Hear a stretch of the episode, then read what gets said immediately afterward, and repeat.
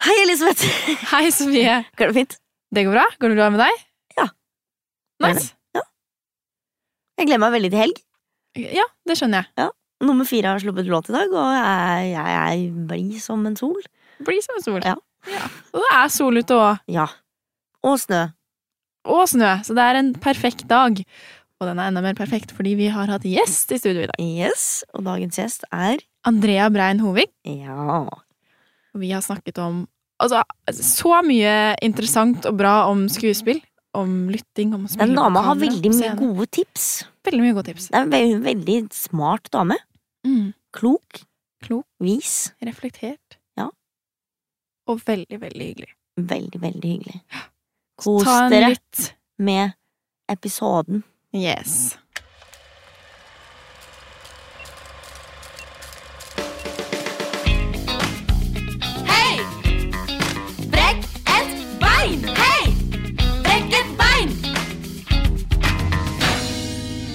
Hva er ditt navn? Andrea Brein Hovig. Og hva er din eh, arbeidsstatus nå? Er du fast ansatt et sted, eller er du frilans, eller Jeg er fast ansatt ved, eller på, ved Nationaltheatret. Ja. Eh, og hva er det som har inspirert deg til å bli skuespiller? Hva eller hvem?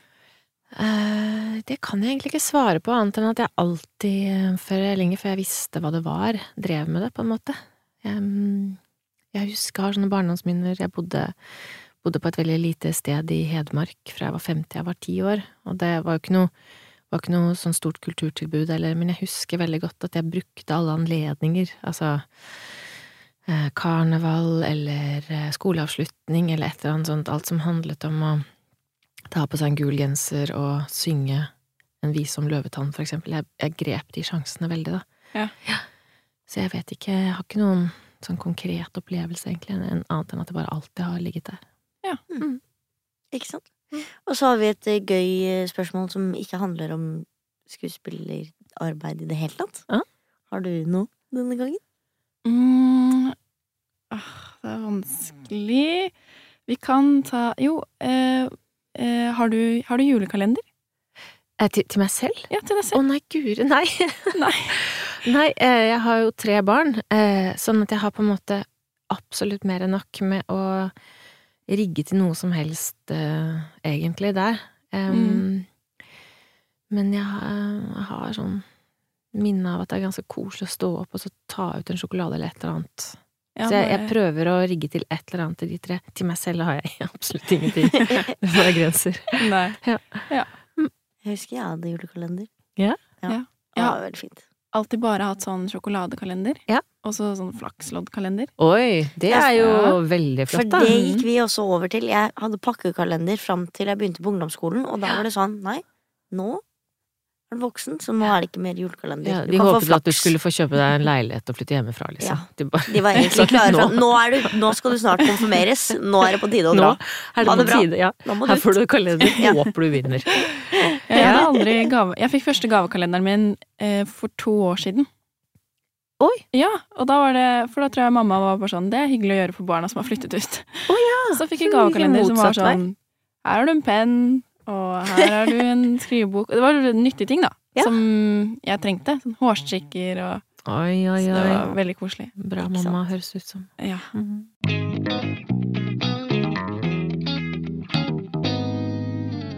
Vi skal eh, over til eh, dypdykk-delen. Ja, jeg gleder meg.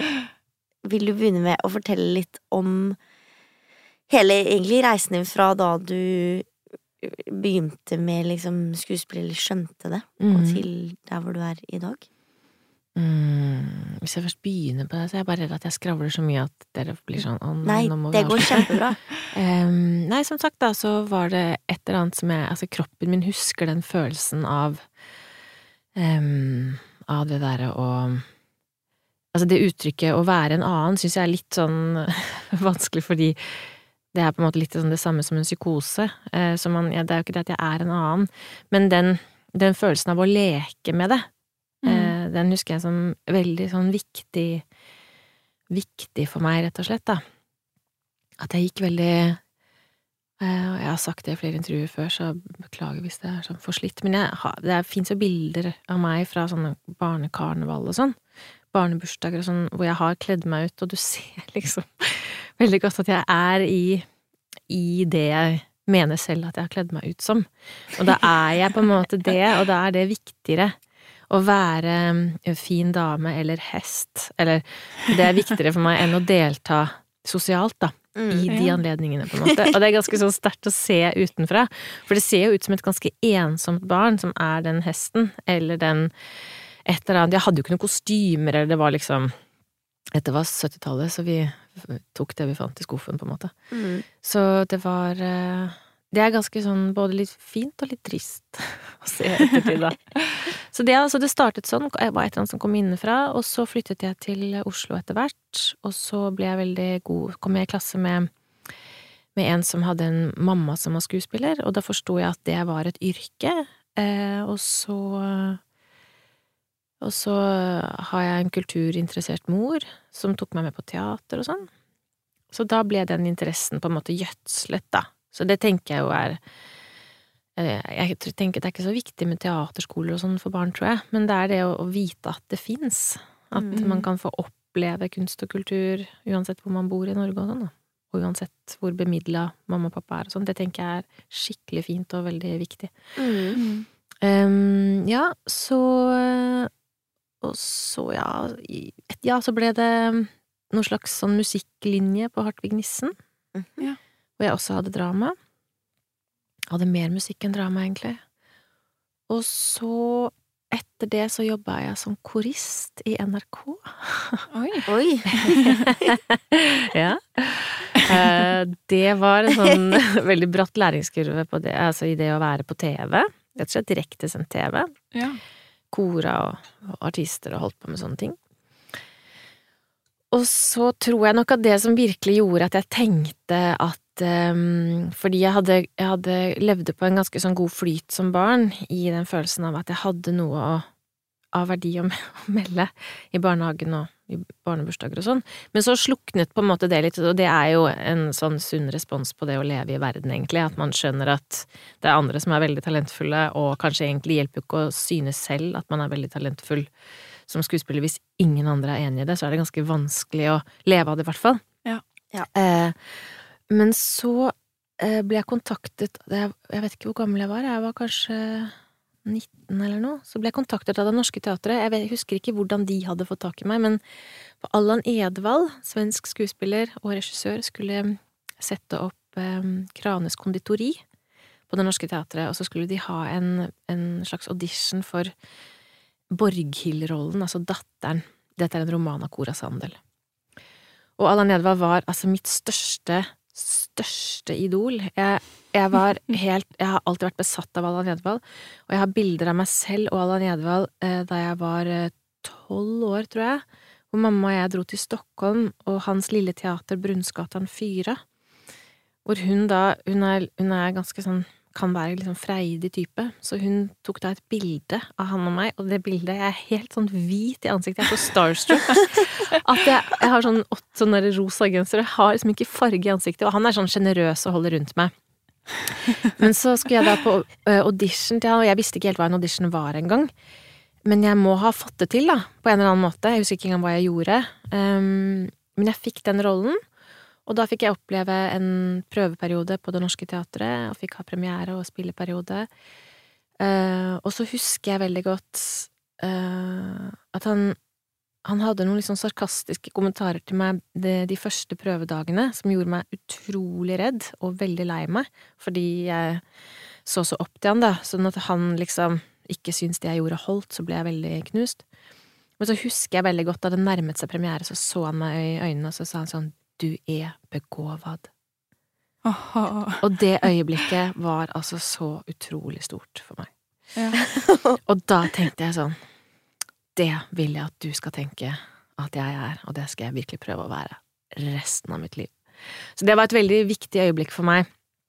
Eh, og så søkte jeg teaterskolen, og så kom jeg da i klasse med Så var jeg den eneste skuespillerklassen som hadde Irina Malatsjevskaja eh, Ja. i, i hele alle, altså hele tiden i alle årene. Som jo var en slags sånn ekstrem eh, situasjon, egentlig, i tre år. Så, eh, så jeg tenker fortsatt på henne hver Men hvordan dag. var hun? hun Hun er liksom berømt for å være liksom hun som har laget Norges beste skuespillere. Mm. Ja, ja. Eh, ja hun, altså, hun var veldig mye, eller er veldig mye. Hun er veldig mektig. Jeg hørte på Salongen på NRK med hvor Alexander Mørk Eidem var gjest. Regissør Alexander Mørk Eidem. Vi er gode venner. Og gikk da, han gikk regi mens jeg gikk skuespillerlinjen, så vi, hadde, vi samarbeidet veldig mye i de årene og hadde samme lærer, da. Og samme metodikk og alt sånt. Og da han var gjest nå, så hørte jeg på det programmet, og så har de da klart å få en sånn SMS- eller mailhilsen fra Irina, som bare er sånn 'Jeg elsker deg'. Og, og hennes norsk har jo blitt svekket, det er jo 25 år siden eller noe som gikk ut. Mm. Ehm, uh, nei, det var jo å ta i. Ja, uansett. Uh, sånn, eh, jeg, jeg tror på deg. Og Alexander begynte å gråte, som på radio. For det er liksom, og det sier litt om hvor sterkt hun sitter i, vårt, i vår kropp, da, rett og slett. Mm. Eh, jeg tenker på henne hver eneste arbeidsdag. Det går ikke en dag på arbeid uten at jeg tenker på henne, og um, Ja, jeg, jeg, var, jeg var nok litt sånn besatt av henne, um, og av å gjøre henne glad og fornøyd. Og at hun skulle tenke at det jeg gjorde var presist og sant, Uh, sånn som jeg egentlig Jeg har høye krav til meg selv, og det er også Irinas krav. Det der går litt over i hverandre. Ja. Mektig personlighet. Ikke sant. Mm. Eh, da du begynte på Teaterhøgskolen, og så Hva skjedde etter det? Gikk du rett ut i jobb, Ja. Jeg gikk rett ut i jobb. hvor da? Eh, ja, det er jo sånn at jeg starta på Det Norske Teatret og var der i fire år. Mm. Og så var jeg litt på Oslo Nye. Og så begynte jeg på Nationaltheatret i 2002-2003. Så har jeg vært der. Altså hvis man snakker om sånn teatertilknytning, da. Mm. Mm. Så jeg fikk eh, veldig mm, fine ting å gjøre på Det Norske Teatret, og hadde det veldig fint der. Så det var en bra start. Ja. Mm. Ikke sant? Mm. Men du har jo også gjort ganske mye film, Mm. og har bare nå den siste tiden hatt tre filmer Mm. på sånn utenlandske festivaler, Jaha, som er dødskult. Ja, det er, helt, kult det er så kult, det. Jeg er Ja. helt enig. Det er helt uh, vilt. Hvordan kom du deg inn i film- og TV-bransjen? Mm, jeg gjorde min første film, gjorde jeg vel i mm, Altså noe sånt som 2000 eller noe sånt. Eh, Tyven tyven, som ble sånn Norges Oscar-kandidat. Så det er veldig lenge siden jeg gjorde min første film. Men jeg syns ikke det var sånn kjempe Eller jeg gjorde noe film og TV helt i starten av karrieren min, og så syns jeg, jeg synes ikke det var så veldig gøy, rett og slett. Mm. Um, jeg kom ut av teaterskolen med et veldig sånn sterkt sånn veldig høyt ambisjonsnivå. Uh, veldig sterkt kontrollbehov. Det har jeg egentlig fortsatt. Og det på, altså Når du jobber med film og TV, så leverer du fra deg utrolig mye uten å eie det, egentlig. Mm. Fordi du leverer det inn i et klipperom. Um, og så distribueres det på en måte til evig tid. Og det er en ganske sårbar situasjon for en skuespiller, mens på teatret så Uansett om jeg er med i en forestilling som jeg selv elsker eller ikke, så eier jeg alltid den tiden jeg selv står på scenen. Mm.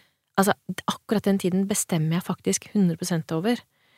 Um, sånn at hvis jeg ønsker å gjøre noe helt annet den kvelden, så er det ingen som kan stoppe meg. Og jeg går hjem med den forestillingen jeg har gjort den kvelden. Og det er på mange måter Det passer egentlig veldig godt for meg, på en måte. Mm. Um, mens jeg opplevde sånn de første årene jeg gjorde film og TV, at nei, nei dette, dette Jeg tror jeg heller vil gjøre sceneting. Det var ikke så morsomt, dette her. Og det har ikke til forkleinelse for dem jeg jobbet med, det var fine folk og alt sånt, men jeg fikk liksom ikke helt foten på det, Mm. som gjorde at jeg ja, prioriterte mer sånn teaterting, jobbet veldig, veldig, veldig mye med det. Men så traff jeg Dag Johan Haugerud, som inviterte meg inn i sin eh, langfilm Som du ser meg, og da skjedde det et eller annet for meg, for min del, da.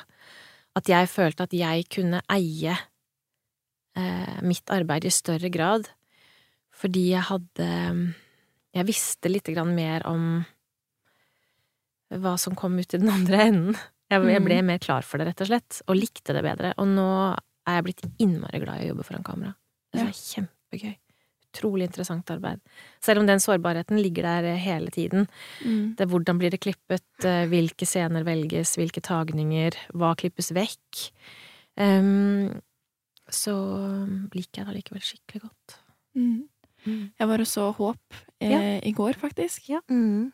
Eh, veldig fin film. Takk. Eh, og så bare jeg, Åh, jeg kjenner jeg blir sånn rørt av å snakke om det nå, egentlig. Ja. Mm. for det er så fin historie, og så er det sånn uh, For jeg tror at for mange så kan det føles veldig ensomt, hele den uh, Man kan føle seg litt alene da, hvis noen i familien får kreft, og så Mm. står man i den situasjonen. Mm. Uh, og det var bare så fint å se det. Ja. Altså, da filmen var slutt, så var det sånn Hæ? Så ble jeg bare sittende der og var sånn Ok. Ja, rulletekst. Ok. Ja. Eh, og så bare Jeg har tenkt så mye i det siste da, på hva ville liksom vært vår tids et dukkehjem, på en måte? Hva, hva skulle man gjort nå? Og så satt jeg og tenkte sånn Ja, men det her er jo på en måte litt vår samtids dukkehjem, for det er jo en mor i en moderne familie Mm. som må forlate dem, på en måte. Mm. Så var jeg bare sånn åh, Mm. jeg kjenner jeg blir helt sånn å snakke om det. Men, eh, men eh, jeg vil jo på en måte egentlig ikke spolere filmen for noen. Nei, nei. Sånn. Og det er, det, altså hun Ja. har jo laget filmen, hun regissøren, så hun lever jo. ja. Ja. Ja, men, hun- men hvordan var det for deg å spille den og gå liksom mm. Og gå på sett eh, hver dag i hele spilletiden og Mm. kreft, liksom? Ha dødsdom? Ja. Nei, det er ikke noe moro, det er ikke noe jeg gjør igjen. Nei. Nei, det er det virkelig ikke. Eh, Og det er ikke noe synd på meg. Eh, Det er eh, et lønnet arbeid, det er ikke synd på meg. Men det var, det var sånn Det var ekstremt hardt, Ja. den tida der. Um, og det var hardt av mange grunner. Det var um, Ja, um, ja, jeg vet ikke hvor jeg skal begynne, men uh, Men jeg prøvde jo å jobbe sånn som jeg pleier å jobbe. Ta tak i medspillerne mine, uh, være i reell dialog. Ha eh, Jobbe spesifikt med hvert barn, stebarn, ektefelle, alle de som Alle i familien. Finne helt sånn presise og spesifikke ting som var spesielt for hver enkelt relasjon. Eh, Sånn at jeg liksom ikke bare kunne svømme rundt i emosjoner, da, fordi at det er så mye av det Mm. eh, at, at den, den, den andre delen av arbeidet nesten ble enda viktigere, på en måte. At jeg hele tiden visste at eh, at dette er et arbeid, eh, og at jeg måtte hente inn Jeg gjorde masse research og sånne ting, som også var veldig viktig for meg å ha med inn i innspilling, fordi at regissøren sitter jo med så enormt mye kunnskap om akkurat denne fortellingen Ja. så ville jeg også ha noe som bare var mitt. Også av det medisinske, fordi selv om Maria Sødal eh, har jo helt rett i alt hun Mm. forteller om hvordan med, om bivirkninger, om liksom alle all de medisinske tingene, så kan det likevel oppleves annerledes for en annen som går på de Mm. samme medisinene, eller eh, sånn at jeg snakket jo med leger og sykepleiere og sånn eh, helt eh, for meg selv, sånn at jeg kunne ha At jeg kunne tilby regissøren andre varianter av det samme. Mm. Sånn at vi eh, Fordi både Maria Sødal og jeg ønsket jo å lage en film som står helt på egne bein, uansett om hun hadde opplevd det eller ikke. Og det Mm. følte jeg vi lykkes med, da. Og jeg tror at hun Mm. også Vi snakket aldri om at jeg var henne. Vi brukte hennes, eh, hennes møter og hennes eh, kronologi den jula, og så laget hun en film ut ifra det. Mm. Mhm. Mm. Ja, det, det ja. mm. Løp og se. Ja. Løp og se. Jeg gleder meg veldig. Jeg kunne ikke være med i går, men. Ja, hyggelig. jeg skal se den, ja. Jeg gleder meg veldig fælt. Ja. Ja, jeg må dra og se litt flere filmer på kino òg. For Ja. du er jo i bar nå. Ja. Eh, Ja. og den eh, vi snakket om i Torbjørn her, og da var han sånn Dere må se den filmen. Ja. Ja, Det er den er dødsviktig. kjempefin. Bare bli ferdig med eksamen nå, så skal jeg gå og se på Gå an til å dra masse på kino når vi får sånn tre ukers juleferie. Ja, Ja. ja, men det er gøy. Det er, altså, film er jo best på kino, altså. Det er ikke, Ja, det er ikke bare et slogan. Og det er derfor det er så synd, hele den diskusjonen som jeg ble opplyst om her om dagen i forhold til det at Netflix bare Ja. har lyst til å sende sine filmer i en uke Mm. på kino, Mm. for at de så kan liksom slippe den selv. Jeg tror Det blir helt sånn what? Jeg hørte den diskusjonen på jeg tror det var P3 Morgen. Eh, og så greia er at for at en film skal bli Oscar-nominert, så må den ha gått på kino. Mm. Mm. Og hvis det er en Netflix-produsert film, så må de bare sende den noen dager på kino. Ja. Og da taper jo kinoene masse penger. Ja, hvis det er sånn Ja, dere, dere kan få sende den på kino, men etter en uke så kommer vi til å legge den ut selv. Og da kan folk betale 99 kroner i måneden, og så Senden, kan de se Ja. 1000 filmer Mm. i den i tillegg. Mm. Og hvor sjukt er det ikke da at Netflix er sånn når kinoen er sånn eh, Nei, det gidder ikke vi være med på, Mm. fordi da taper vi masse penger. Mm. Så kommer Netflix og er sånn Ja, men det er greit, da bare leier vi vår egen kinosal, og så sender vi den der. Ja. Mm. Sånn, åh. Kino er dødsviktig. ja, Ja, jeg er må- veldig glad i kino. Ja. Jeg er også veldig, veldig glad i å gå på kino, og jeg ser jo masse eh, TV-serier og film hjemme, Mm. men jeg har ikke den samme konsentrasjonen. Jeg Nei. husker ikke like godt de filmene jeg ser hjemme, Nei. fordi at det er så mange adspredelser. Ja. Eh, Så det jeg ser på kino, det sitter eh, lenger i minnet, rett og slett. Ja. Og det er jo noe, det òg. Og så er det noe med at eh, film er jo laget for, et, eh, for det store bildet, da. Mm. Mm. Det blir ikke det samme å se det når man sitter Hjemme hjemme, liksom. med. Mac-en sin. Nei, det gjør ikke 13-tommers. Mac og ser på Nei, ah, Det er ikke det samme. Nei, Nei. men det. det er jo, folk går jo fortsatt på kino, altså. Så det er, eh, Ja. det er jo faktisk ganske gøy. Ja. Så det tyder på at det er en ganske bred enighet om at det å gå på kino enten Jeg er glad i å gå aleine på kino, jeg syns det er helt Ja. Ja, supert. jeg er også veldig glad i å gå alene. Ja, så det Ja. Men hvordan er det å eh, For har du sittet i kinosal og sett din egen film? Ja. Og, og med mange mennesker rundt deg. Hvordan, Ja. hvordan opplever du det? Eh, Nei, akkurat på Håp, det var en veldig spesiell opplevelse. Jeg hadde sett den i en sånn privat kinosal med Stellan først, altså mm. før vi dro til Toronto og hadde premiere der. Eh, Så jeg visste jo Så jeg hadde jo sett den på en måte i helhet én gang, og så biter flere ganger og sånn, men det å sitte på Colosseum var så mye sterkere enn jeg hadde trodd, så heldigvis hadde jeg lillesøsteren min med meg, og jeg har aldri holdt noen i hånden, så jeg er ikke en håndholder, egentlig.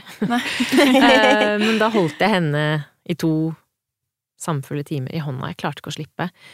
Og da tenkte jeg at uh, shit, det var bra hun var med. Ja. Mm. Mm. Så det det var en veldig Men det var en utrolig fin opplevelse også, hele den premieren og hele festen etterpå og sånn. Det var bare en sånn kjærleikens uh, Mm. vidunderbrak-fest. Mm. Det var veldig, veldig, veldig fint.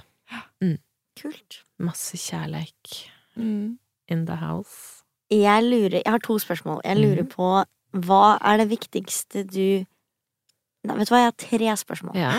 som gøy. går inn under ett. Mhm. Hva er det viktigste, tenker du, at du har lært på skolen? Hva er det viktigste du har lært ute i bransjen på teater? Mm. Og hva er det viktigste du har lært i forhold til Mhm. filmbransjen? Eh, På skolen så eh, vi var vi, vi, vi jobbet vi, vi var veldig lite sosiale, det kunne klassen min.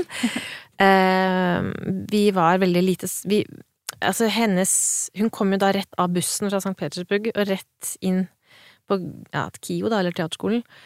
Eh, Med den russiske, på en måte mer sånn konkurransedrevne kulturen, sånn at vi, vi måtte jo bli enige hver dag om hvem som hadde vært best. Og det er jo i norsk kultur utrolig fremmed, og veldig, veldig rart. Mm. Ja.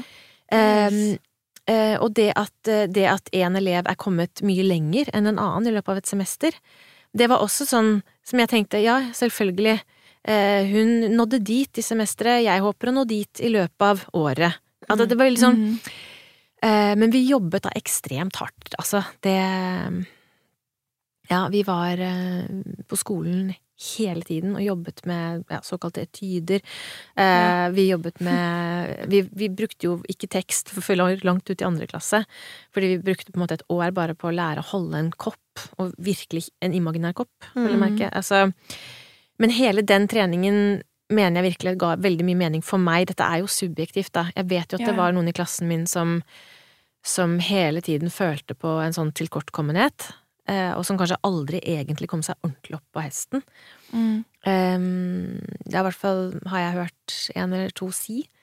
Eh, og det er jo ikke noe kult. Eh, så det var, for min del så var det veldig sånn å klamre seg etter den hesten. Jobbe, jobbe, jobbe veldig, veldig hardt.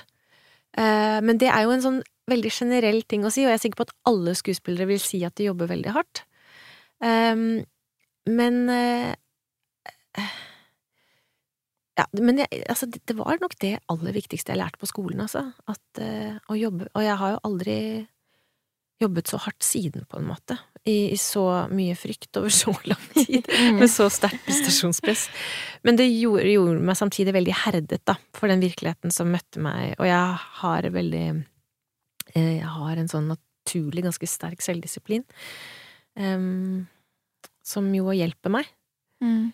Um, men jeg tenker det aller, aller viktigste uh, som jeg mener man kan gjøre som skuespillere, er å finne partner. Finne dialogen. Være For å få alt Det er også noe som vi øvde, eller som jeg tenker på hele tiden når jeg jobber, er at det skal være som første gang. Jeg skal Mm. aldri ha hørt det før, eller sett det før. Det skal hver gang være som første gang, og det er utrolig vanskelig å få til hvis du ikke er hos medspilleren din. Mm. Og hvis du ikke har en medspiller, så må du bruke publikum, eller et eller annet. Du, Mm. du, du kan ikke fortsette å grave i deg selv, selv om det kan føles utømmelig for oss alle. Mm. Så er det allikevel å søke partner, og vær sjenerøs i det arbeidet. Um, fordi når jeg, hvis jeg spiller en forestilling hundre ganger, så, så blir jeg ko-ko eh, hvis det ikke foregår noe nytt hos Mm. min partner Mm. på scenen hver kveld. Så jeg Mm. prøver hele tiden å finne ut å ja, du, du tar den finta i dag, ja, men da skal jeg gi deg den. Og det gjør at det, at det er gøy og Mm. interessant arbeid. Mm. Eh, fordi eh, viktighetsgraden av arbeidet kan jo føles varierende fra prosjekt til prosjekt. Noen ganger Mm. så er du med på noe som kanskje eh, du tenker at eh, ja mm. Men da må man jo bruke den tiden til noe verdifullt, og da er det alltid bare søk den kontakten. Mm. Og jeg elsker å jobbe med skuespillere som bare vil det. Mm. Uh, og det er varierende, altså, hvor noen um, har litt andre ting på agendaen som er Som kan være forstyrrende. Men vi er jo alle veldig ulike, ikke sant?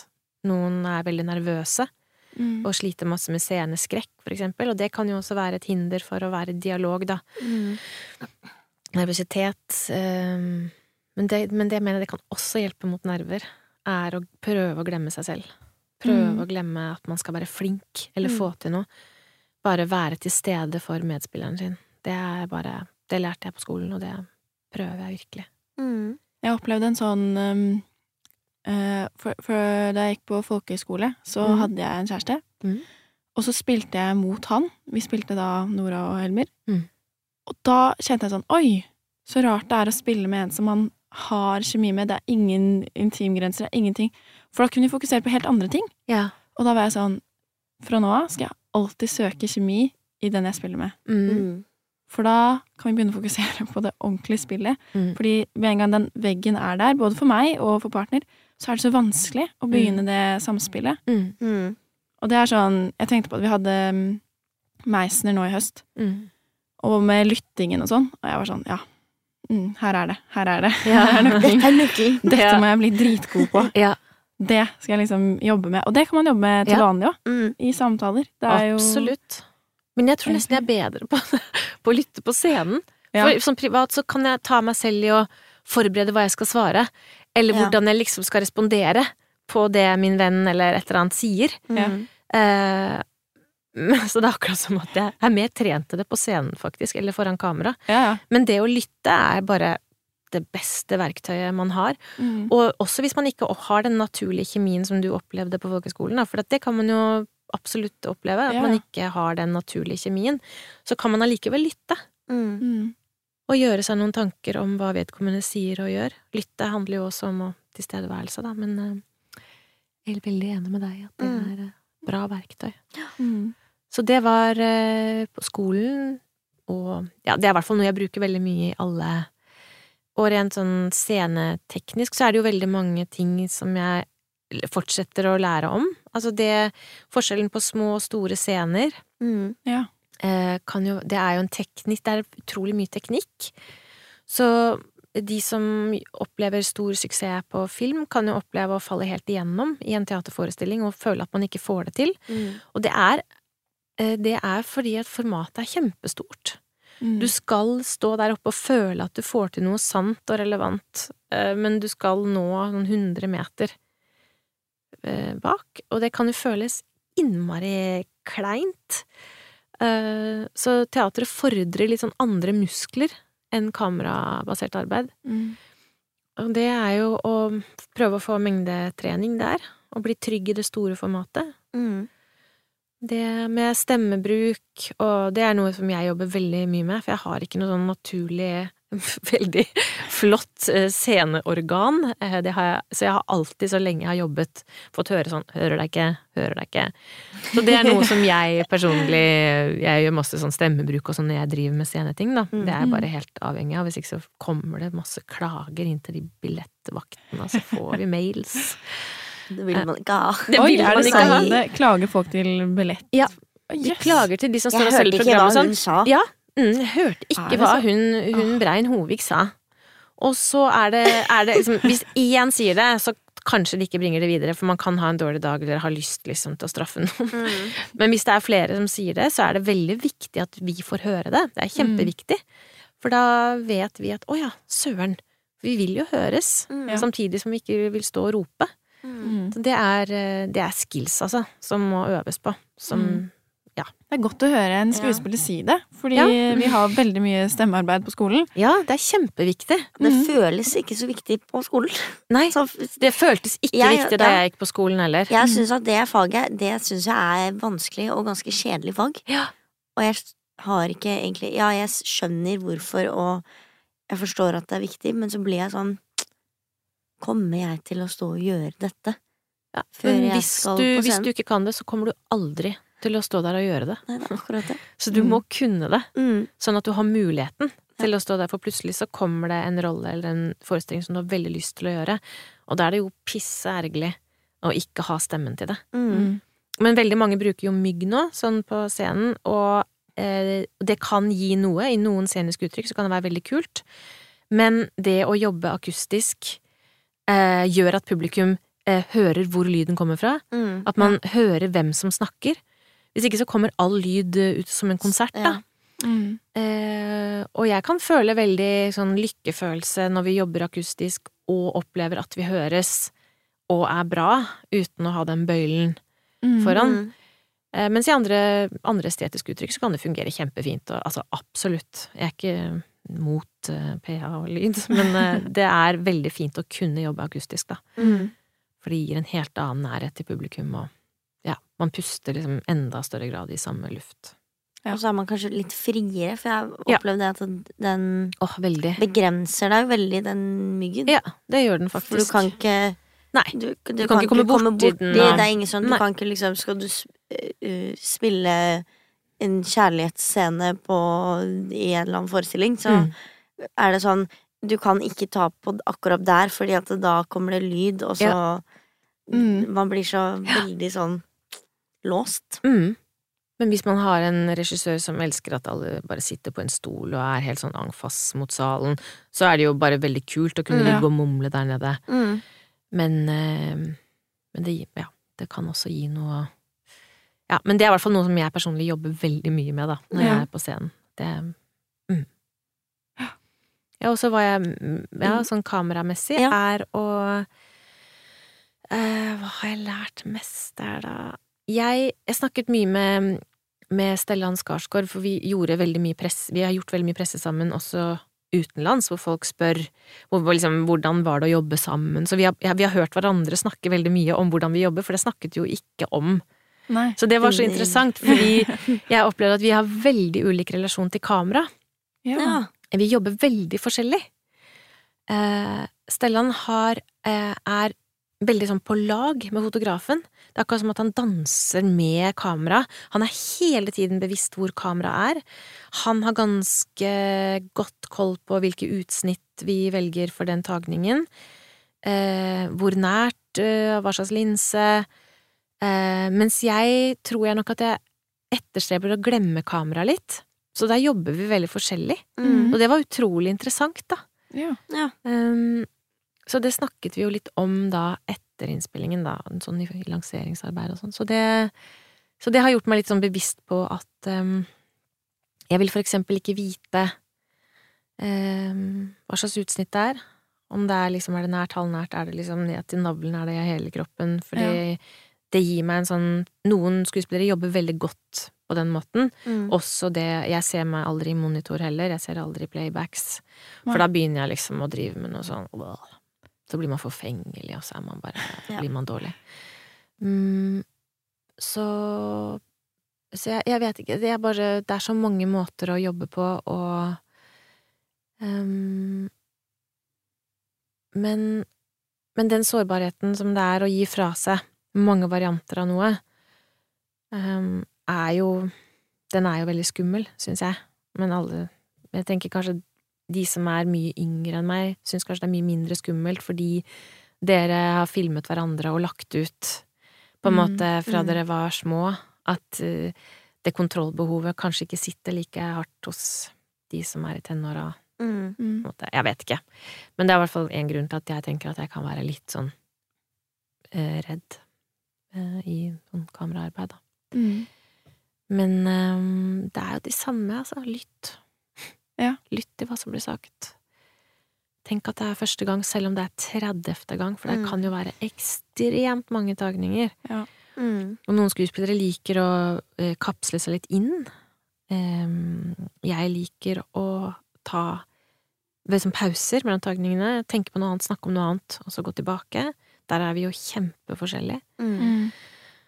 Um, så jeg vet ikke om jeg har noen sånn veldig gode råd. Jeg syns det er råd. Ja. Ja, ok. ja, Ja, ja, ja. Jeg er redd for å komme til kort. ja. Ja, Men jeg syns det er mm. Det er mye fint å tenke på der. Ja. Mm. Veldig mye som jeg ikke har tenkt på før. Ja. Med Mm. både scene og kamera. ja, bra. Og så er det også fint å belyse det at skuespillere jobber så ulikt, da. Det gjør vi virkelig. Mm. Det gjør vi virkelig. Og også med kamera. Ja, Mm. fullstendig forskjellig. Mm. Og, det, og, resu og, man, og resultatet trenger ikke å bli noe dårlig, dårligere eller bedre. Eh, man kan godt uh, være sitt eget objekt, uh, se på seg selv i playback, gå tilbake og gjøre det en gang til, uh, perfeksjonere, og at det blir dritbra. Men hvis jeg går og ser mine egne playback, så kan jeg love at, eh, Ja. at jeg blir dårligere, liksom. Mm. For den selvbevisstheten er veldig hemmende for meg. Ja. Jeg er også veldig sånn. Jeg foretrekker også å glemme kamera. Ja. Mm. Jeg føler at de gangene jeg spiller best på kamera, er når når man helt glemmer alle rundt, og det er bare den situasjonen, og så oppstår det en sånn Det, det er nesten så det, med en gang de er sånn takk, så har du glemt alt. Det er sånn oi, hva skjedde nå? Mm. Ja. Jeg syns det er så Da har du sikkert vært til stede, på en måte. Ja, at du blir, det tar helt over. Ja. Og så glemmer man alt, og så takk, og så er det sånn oi, da er vi tilbake i denne verden. Ja. Jeg synes det, Da er jeg sånn oi, da, dette må ha blitt bra. Ja. For da, men da, da er det sånn ja, da gjør vi det igjen. Og så er ja, da prøver vi igjen. ja. og se om vi kommer inn i det igjen. Ja, men da har du kanskje vært et sted Og det er ikke sikkert at det var din beste tagning. Nei. Eh, men da har du vært et sted hvor du har vært 100% tilstedeværende, som gjør at du kanskje kan gjenta det, men allikevel ha det lille kalde punktet som sier til deg at du er i arbeid, da. Mm. Eh, det kan jeg i hvert fall erfare, at jeg har gjort en en veldig sånn emosjonell For eksempel i et, et rollearbeid på scene eller et eller annet, gjort en veldig sånn eh, stor ting hvor jeg liksom glemmer hva er gulv, hva er tak, eh, hvem er jeg, sånn veldig sånn sant og ekte øyeblikk, Mm. som kanskje er too much, eh, for Ja. eksempel, da. Eh, men da, når jeg skal gjenta det med det kalde punktet som jeg tenker at det er også ganske viktig å ha, for at man skal ha den teknikken som gjør at man Mm. ikke slår eh, kollegaen sin Ja. eh, med vilje. Altså Ja. det derre punktet som gjør at du kan jobbe teknisk. Eh, men at du har vært liksom og kava Mm. i noe emotions med Ja. armer og bein. Da har du liksom Jeg tenker da har du flytta noen grenser. Da har du en enda større ryggsekk til å, til å Mm. gjenta. Fordi skuespilleri er jo veldig mye gjentagelse. Mm. Ja. Og det tror jeg ikke folk egentlig forstår eller tenker over. Nei, nei. Altså, vi skal gjenta en forestilling, vi skal gjenta en prøvedag eller en tagning, da. Mm. Kjempemange ganger. Mm. Og noen av oss er maratonløpere, noen er sprintere, noen er best på de to første tagningene, noen er best på de, den tiende. Mm. Så det kan jo også være veldig vanskelig for en regissør og en klipper å vite eh, Hva- hvordan hvordan er Ja, liksom? Ikke sant? Og jeg har jo jobbet med skuespillere som absolutt er best i starten. Eh, så da, da prøver jo jeg å innordne meg sånn at jeg også kan prøve å Være bra i begynnelsen, da. Ja. For jeg vet at ok, nå mister jeg snart han. Ja. Nå er han snart utslitt. Nå må jeg Ja. levere. Ja, Uh, så jeg prøver jo å tune meg inn på hvordan andre jobber, sånn at uh, vårt felles resultat skal bli bra. Mm. Ikke fordi jeg er så utrolig edel øh, og snill, men fordi jeg vil, jeg vil at det skal funke, da. Mm. Mens hvis jeg, hvis jeg jobber med barn, så vet jeg at de ofte er bedre etter hvert. Mm. Ja. Så da kan jeg bruke de første tagningene på bare å gjøre dem trygge. Mm. At jeg trenger liksom ikke å være noe himla begava, fordi at jeg vet at Ja. nå, nå skal vi bruke fire tagninger på at du skal slappe av, for eksempel. Mm. Um, så jeg, jeg er veldig glad i å jobbe med barn og ungdom og amatører, og jeg syns det kan være også innmari interessant, da. Mm. Ja. Og så syns jeg også det er viktig, eller jeg har i hvert fall tenkt på det selv, at når man spiller med noen og kameraet ikke er på deg, at man fortsatt gir tilbake. At man mm. spiller scenen ja. fullt Ja. ut. Absolutt. For det hender at man spiller med folk som er sånn ja, nå er ikke kamera på meg, så nå chiller Så jeg da litt kan bak jeg her. slappe av, liksom. Jeg bare Ja, leverer ja, ja, replikkene nei, mine det- med den intensiteten. Nei, Altså, det må man ikke. nei, Nei, det må det må man ikke. Mm, mm. Mm. For det kan ødelegge. Det kan ødelegge Ja. veldig. Det kan ødelegge veldig mye. Mm. Nei, den sjenerøsiteten må man ha. Jeg har jo merket det sånn, for jeg har jo eh, bare gjort kortfilm. Mm. Eh, og jeg merker veldig forskjell fra første gang jeg gjorde det, hvor jeg var mye mer beskjeden. Jeg sa ingenting, og det var sånn Jeg kunne ha motspilleren min plassert liksom bak kamera, sånn at jeg nesten ikke så han, og så skulle vi spille en liksom alvorlig scene. Men nå er jeg sånn Han kan faktisk ikke stå akkurat der, fordi jeg ser, han ikke. Han ikke Da får ikke jeg til det spillet. Mm. Så da må dere flytte på han, Ja. eller så må dere gjøre et eller annet på kamera. Men det er jo noe Altså- som man etter hvert så får den tryggheten Mm. da, å si at eh, nå ser jeg faktisk ikke medspilleren. Dere må Ja. gjøre teknikken annerledes. Mm. Men så er det en sjelden gang, så Ja, får så du ikke. Så må du. Du må Da må du det. spille mot en sånn rød teipbit. Ja. Av tekniske ganger, årsaker. Er, ah. Og med Men da er all den treningen med imaginære objekter utrolig ja. verdifull. Ikke sant? Der kommer det tiden. Ja. Du, det-. Dette er jo en strålende episode, Ja, for ja. det er sånn eye-opening for alt vi har vært gjennom Ja, til nå. Hvor det er sånn Der bruker du det, så kan du hente opp det, så det gjør ja, sånn. Utdanning er helt supert, det. Jeg er veldig for utdanning, så jeg tenker sånn folk som er superbra, som ikke kommer inn på teaterskolen, men har veldig mye lønna arbeid likevel. Så er sånn, men Du prøv å komme inn, da! Ja. Fordi det er Begynn på, en- begynn på en annen skole. Prøv å søke på flere skoler. Begynn på en liksom. annen skole, fordi det, det å, det å eh, gå noen år på en eller annen teaterskole, eller en eller annen form for utdanning, eh, hvor du hele Fordi du kommer aldri til å oppleve eh, å bli castet i så mange forskjellige ting som du blir på en teaterskole, Mm. hvor du spiller gammel mann og bror og lillesøster på en måte hele tida. Ja. Da eh, Og føler deg så innmari mye dust, fordi du hele tiden skal gjøre ting du egentlig ikke kan, og som du kanskje tenker 'dette kommer jeg vel aldri til å gjøre'. å bli Men, men, men de åra er så viktige, fordi at med en gang du, du, du betales for å, å drive med skuespilleri, så da er på en måte det øyeblikket over. Mm. Ja. Da er det veldig vanskelig å gå tilbake og, og være liksom å jobbe i åtte måneder med å holde den kakaokoppen sånn at du virkelig tror du holder den, da. Mm. Uh, og jeg, ja, jeg kan ikke snakke nok om hvor viktig jeg syns det er å prøve å få en utdanning et eller annet sted. Jeg kan Mm. ikke så mye om utdanningstilbudet i Skandinavia eller Europa Mm. eller USA, eller jeg kan veldig lite om det, Mm. men jeg er sikker på at det er masse bra, og at bare det å Ja, utdanne seg det, det som er så fint, er at det, jeg føler det finnes liksom noe for alle. Ja. Mm.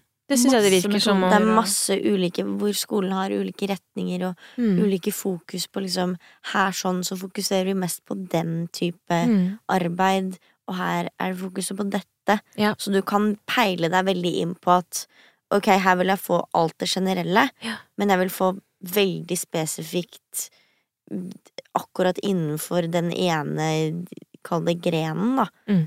Fordi at det syns jeg er veldig gøy, og det er det jeg er på en måte best på. Mm. Eh, sånn som med KIO og Westerdals, hvor det er eh, Stanislavski som er liksom hovedfokuset. Ja. Eh, og det er det du lærer mest av. Mens på andre skoler så har du helt andre ting. Mm. Mm. Så det er veldig fint at det Men det er jo også skuespillere i arbeid som aldri har gått skole, og som er helt Altså Kristoffer Jone, for eksempel, som jeg jobber med. Ja. Så det er ikke sånn at Så jeg snakker jo bare ut fra meg selv. For meg har det vært så utrolig viktig, da. Mm. Um, mens for andre så får man jo en utdanning gjennom å jobbe, og så Ja. bruker man etter hvert de verktøyene man mm, skjønner at virker for en. Så Mm. det er jo ikke sånn at, Og så ikke jeg sånn at man må Jeg bare ja, de som ikke har utdanning, er vel, og som klarer seg, er vel rimelig interessert i å lære. Ja, på ja. andre Så de plukker jo Mm. opp Så de det tar sikkert workshops og lærer fra kollegaer og Ja, lære fra kollegaer er jo det, er jo det som blir skolen, da. Ja. For dem som ikke utdanner seg, så blir det jo kolleger. Og da er det i hvert fall viktig å jobbe med bra folk. Ja. Jeg kjente veldig på det. Jeg jobba som frilansskuespiller eh, i ganske mange år før jeg begynte på studiet. Mm. Og da kjente jeg da når jeg skulle gjøre en eh, forestilling eh, på teater igjen, eh, her i Oslo, så Mhm. ble jeg sånn Dette er jeg faktisk ikke god nok på. Så jeg må ha mye mer Jeg, jeg kan på en måte det grunnleggende, men jeg må få mye mer kjøtt på beinet, og det kan jeg ikke få her ute ved å bare gjøre dette i bransjen. Jeg som Sofie, det klarer ikke jeg. Jeg er nødt til å gå på skole og få alle disse ulike metodene og alle verktøyene som vi får, Mm. um, for å kunne bare bli enda bedre og strekke meg til nye høyder på alle mulige Ja, det er plan. veldig bra mål. Strekke Mm. seg til nye høyder. Ja. Ja, det prøver jeg òg. Og så er det veldig deilig å kjenne at ah, men dette her, det har jeg gjort mange ganger før. Så når vi har filmworkshops, så er jeg sånn Dette kan jeg. Mm. Så her trenger jeg ikke legge inn så mye fokus. Da kan jeg heller fokusere masse på dette, Ja. for dette kan jeg ingenting om. Mm. Så for meg har det vært veldig, veldig fint å begynne på denne utdannelsen. Ja. Og så fullføre den snart. Ja. Det blir deilig. Ja. Vi er snart halvveis. Snart Ja. halvveis. Ja. Ja. Ja. Mm. Har du et tips, sånn avslutningsvis, til oss nye, si utdanning. etablerte Du har egentlig gitt ganske mange råd, da, men Ja. ja. Ja, altså det er Det blir jo så innmari personlig, det her, fordi det, det å gi tips, det blir jo liksom Det funker for noen og ikke for andre og sånn, men Mm. eh, det er jo et yrke som Hvis jeg snakker for meg selv, er et yrke som jeg Noen ganger så føler jeg meg bare teit, egentlig, som driver med det. Jeg har masse selvforakt. Fordi eh, noen ganger så syns jeg det pff, Skal jeg ikke heller dra til Kongo, eller Altså, den de, liksom eh, redde verden-type perspektiv på det. Mm. Eh, som kan boble opp til overflaten innimellom, at jeg føler meg teit, plutselig. Og så er det det at det er og det, noe som er, som jeg tenker masse på, og spesielt eh, for dere som er nye og som skal ut til dette, er at det er et yrke hvor du er innmari avhengig av å bli valgt. Mm. Eh, og det er egentlig ganske fælt. Um, du har Altså, du kan Noen er gode på å skrive søknader, noen er ikke det. Og hvis du ikke er det, ikke vet hvordan du skal finne deg en støtteordning, og hvis du heller ikke har lyst til å sette opp en monolog eller være Du har lyst til du har lyst til å bli valgt, da. Så gjør det at du hele tiden har, går rundt med hjertet i hånda litt. Mm. Og da Og jeg, og jeg har ikke noe oppskrift på, på det, men hvor, å, å finne metoder for å bygge en selvfølelse, sånn at du vet hvem du er også når du ikke blir valgt. Mm. Um, det tenker jeg gjør en sterkere rusta i en sånn testsituasjon, som man opplever kjempeofte, både som amatør og proff og ny og gammel, liksom. Mm. Men at du har en, en ryggrad og vet hva du kan tilby, du vet hva du kan, du kjenner dine begrensninger, du vet hva du kan bli bedre på, du vet hva du skal jobbe med, og også sånn at man finner noe man faktisk liker, og hva man syns sjøl. At hvis man er med på noe som man syns er fantastisk, men som ingen kommer og ser, eller som får terningkast to, så skal du allikevel vite at ja, men jeg, før, før premieren på dette her, så syns jeg det var bra. Mm. Og da skal du stå ved det, da. Og også motsatt, hvis du er med på noe du syns er drit, som får terningkast seks, og publikum strømmer til, så skal du tenke sånn Men jeg tenker at vi kunne kommet enda lenger med dette. At, at liksom, bygger en selvfølelse så sterk at du ikke blir sånn vaiende strå i Mm. vinden. Ja. Det tenker jeg er utrolig viktig for oss eh, skuespillere. Eh, at vi, fordi vi er innmari sårbare, altså. Det er produsenter og regissører som skal synes at vi er bra nok eller ikke, at vi passer eller Mm. ikke. Mm. Um, og sånn er det så lenge vi jobber med dette. Mm. Ja. Så hele livet skal vi velges eller ikke, og da må vi prøve å stå så sterkt i det som overhodet mulig, hvis man skal ha et bra liv, da. Veldig, veldig godt tips. Ja. Mm. Skal jeg ta med meg. Ja, det ville jeg gjort. Det Mm. syns jeg er skikkelig viktig. Enig. Tusen takk for at du kom Takk for at jeg fikk komme. Ja, veldig hyggelig å sitte her og prate.